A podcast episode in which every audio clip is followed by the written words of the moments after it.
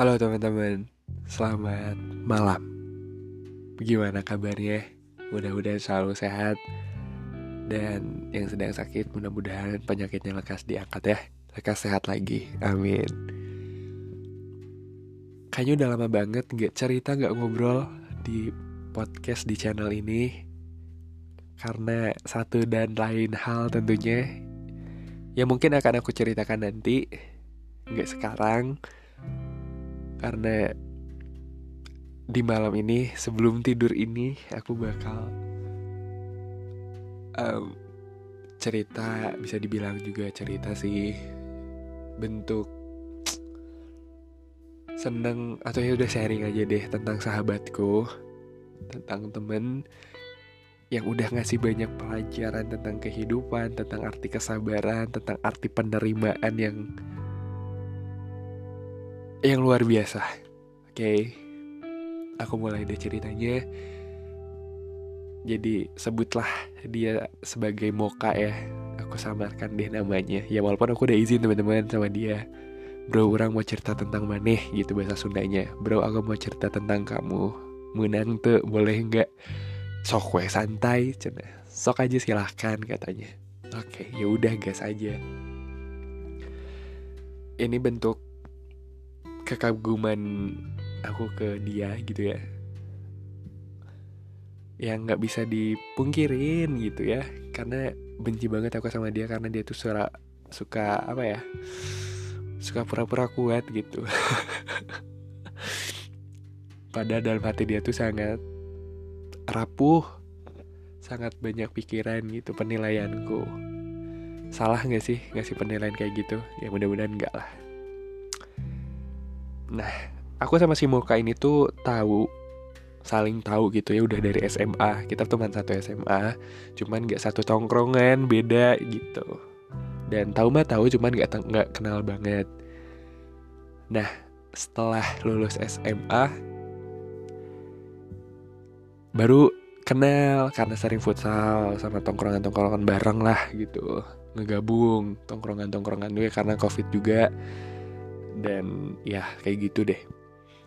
Dan pada satu kesempatan diajak lah main ke rumahnya dan akhirnya jadi sering ke rumahnya jadi tau lah jadi nongkrong juga sama tongkrongan si muka teh gitu.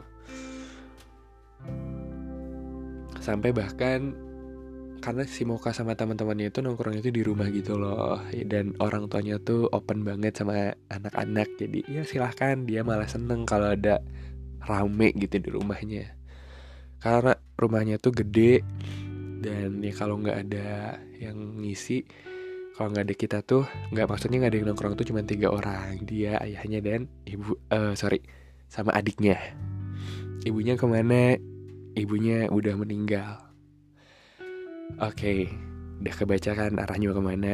Mudah-mudahan enggak. nah, hmm.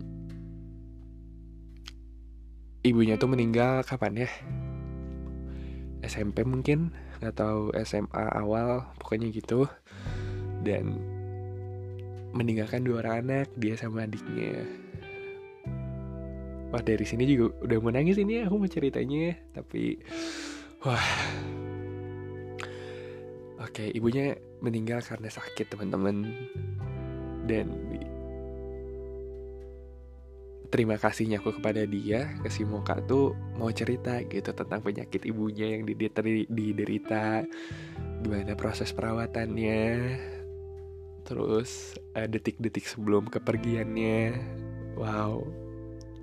Oke, okay, dari situ Aku anggap dia sudah menerima keadaan di mana dia harus ditinggalkan oleh sang ibu. Walaupun dalam hatinya ya ada aja gak sih perasaan yang masih ngeganjel sayang aja. Aduh ditinggal ibu di saat perlu-perlunya gitu ya. Di saat mejuh-mejuhnya kalau bahasa Sunda tuh. Di saat apa ya? Di saat yang memang perlu perhatian dan bimbingan secara psikologis gitu dari orang tua. Nah dari situ dia mendapatkan ibu tiri teman-teman ayahnya nikah lagi. Dan sayangnya bah dan ibu bukan sayangnya sih memang udah jalan dan takdir Allah aja. Violent jadi pernikahannya tidak berjalan dengan baik jadi harus pisah dengan sang ibu tirinya itu. Dan beberapa cerita sih yang dia omongin ke aku kayak ya memang nggak setuju ayahnya kalah gitu gitu. Karena dia kerap kali mendapatkan perlakuan seperti yang di TV-TV bawang merah bawang putih itu lo tau gak sih? Kayak perlakuannya tuh kayak jahat banget. Dan saksinya ada teman-teman tongkrongannya yang udah lama hidup ngobrol duduk nongkrong sama dia gitu di rumahnya. Dan aku juga sadar tapi baru tersadarkan tuh ketika jadi orang ini tuh waktu SMA tuh kurus banget teman-teman. Kayak cuman lidi tau gak sih? Lidi gitu. Kurus banget kayak nggak ada energinya untuk pokoknya apakah itu tuh disengaja kata aku dulu waktu SMA dia tuh emang sengaja ngebentuk badan kayak gitu atau gimana gitu tapi ternyata setelah lulus SMA dan aku nongkrong sama dia ternyata ada background historinya gitu. Oh gini gini gini gini. Dan ternyata perlakuannya tidak menyenangkan. Nggak dapat jatah ini itulah kayak gini lah kayak gitulah nyakitin orang tuanya alias ayahnya itu ya. Wow. Itu cukup lama mungkin berapa bulan atau berapa tahun dia harus mengalami hal-hal seperti itu gitu. Dan oke. Okay, setelah itu gini teman-teman ya coba bayangin ketika kamu uh, kehilangan seorang ibu dan atau ayah mungkin terus orang tamu yang masih ada memutuskan untuk nikah lagi tapi mohon maaf dalam tanda kutip yang didapatkan zong gitu. Kan kayak 180 derajat banget gitu. Rasanya gitu kan. Tapi ya dia masih stay teman-teman sama adiknya masih masih ya masih semangat untuk melanjutkan kehidupan gitu ya. Bahkan permasalahannya tuh sampai harus maju ke meja hijau harus ada persidangan yang wah rumit banget deh buat menyelesaikan masalah-masalah yang dihadepin gitu ya. Bersama ibu tirinya itu gitu. Di satu sisi baru-baru ini um, oke okay, orang tuanya yang siapa? Yang laki-laki si Moka ayahnya si Moka baru aja difonis sakit deh mudah-mudahan cepat sembuh ya Allah amin baru difonis sakit yang kayaknya memang agak serius sih agak serius dan harus cepat ditindak masuk meja operasi. Dan ada satu momen ketika aku uh, ngejemput ayahnya si Moka di stasiun, dia baru balik dari RSPAD. Ya, ayahnya si Moka tentara. Aku ngejemput ayahnya di stasiun untuk ke rumah. Dia dari RSP RSPAD Jakarta. Aku jemputlah karena si Moka ini harus nemenin adiknya. Nah, oke nanti aku bakal cerita tentang kenapa si Moka harus nemenin adiknya ke sekolah. Oke. Aku cerita dulu tentang ayahnya si Moka dulu nih. Kondisinya sekarang kayak gimana gitu. Nah, ayahnya si Moka ini teman-teman um, agak komplikasi sih penyakitnya.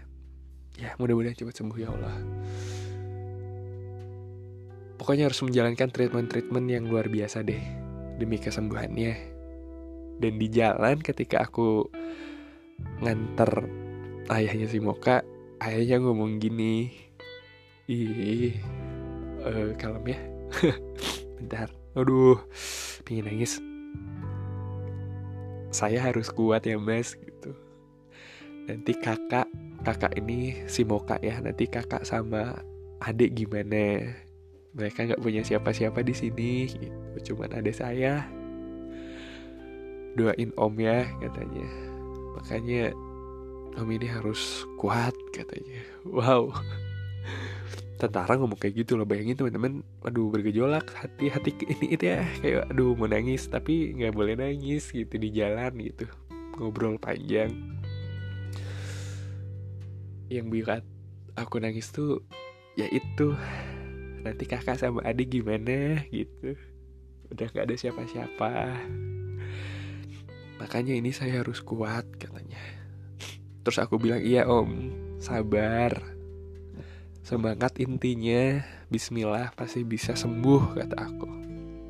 Iya, makasih ya Mas Fian ya katanya gitu. Iya om pasti kita anak-anak anak-anak yang aku maksud anak-anak yang suka nongkrong di rumahnya gitu pasti ngedoain yang terbaik mudah-mudahan cepat sembuh gitu ah kayak gitu jadi kondisi sekarang ayahnya si Moka tuh sedang sakit teman-teman dan aku minta doanya ya biar ayahnya Moka cepat sembuh dan dilancarkan segala proses pengobatannya. Amin. Oke, okay. nah ceritanya tadi kenapa si Moka ini harus nemenin adiknya? Aduh, ini juga ya buat aku kagum banget nih sama si Moka sialan ini tuh gitu. Jadi si Moka ini memutuskan untuk tidak melanjutkan studi atau karirnya setelah lulus SMA. Bahkan ijazahnya pun kalau nggak salah masih di sekolah, masih di SMA-nya gitu belum diambil. Kalau nggak salah ya, karena dia ingin ngejaga adiknya.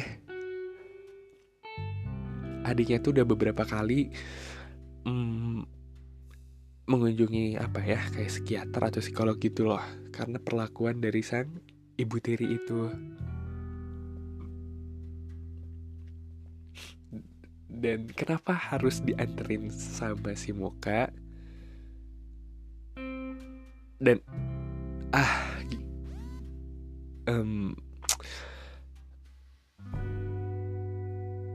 gitu. Karena ada something masalah yang gini teman-teman kan kalau Oh, berat. Bentar ya. Oke. Okay. Kenapa si Moka harus nemenin adiknya sampai lulus di SMA? Karena satu untuk ngejaga adiknya. Terus ada apa ya? Aku nggak bisa nyebutin, cuman mudah-mudahan kalian paham. Ah dengan kondisi yang ayah sedang sakit, uh, tidak ada peran ibu di sana, kontrol finansial tentu saja tidak begitu rapih karena sang perempuan tuh masih pelajar ya, masih awal pelajar yang tidak didampingi oleh sosok sang ibu. Jadi memang ada apa ya bukan problem sih kayak ada ya ya goyang lah. Jadi si Moka ini memutuskan untuk ya udah aku uh, temenin adikku dulu sampai lulus nanti setelahnya entah kerja entah kuliah gitu.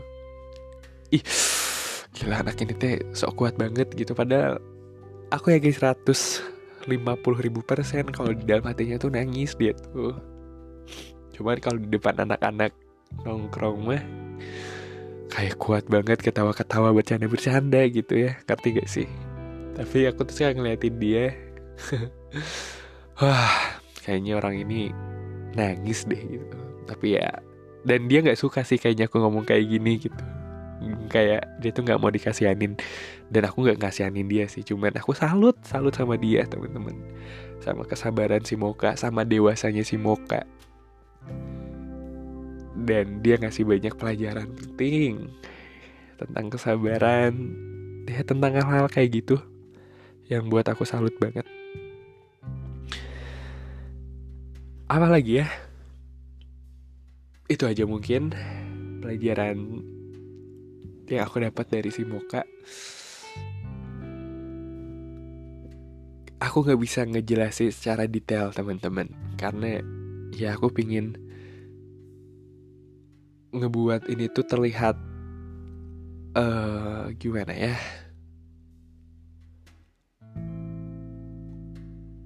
Ya aku nggak bisa detail aja intinya menceritakan tentang masalah dia karena memang harus ada hal-hal yang harus aku jaga. Doakan saja yang terbaik apalagi buat ayahnya si Moka ya buat si Om yang sedang sakit. Untuk selalu kuat mudah-mudahan dipercepat proses kesembuhannya dan bisa ceria lagi deh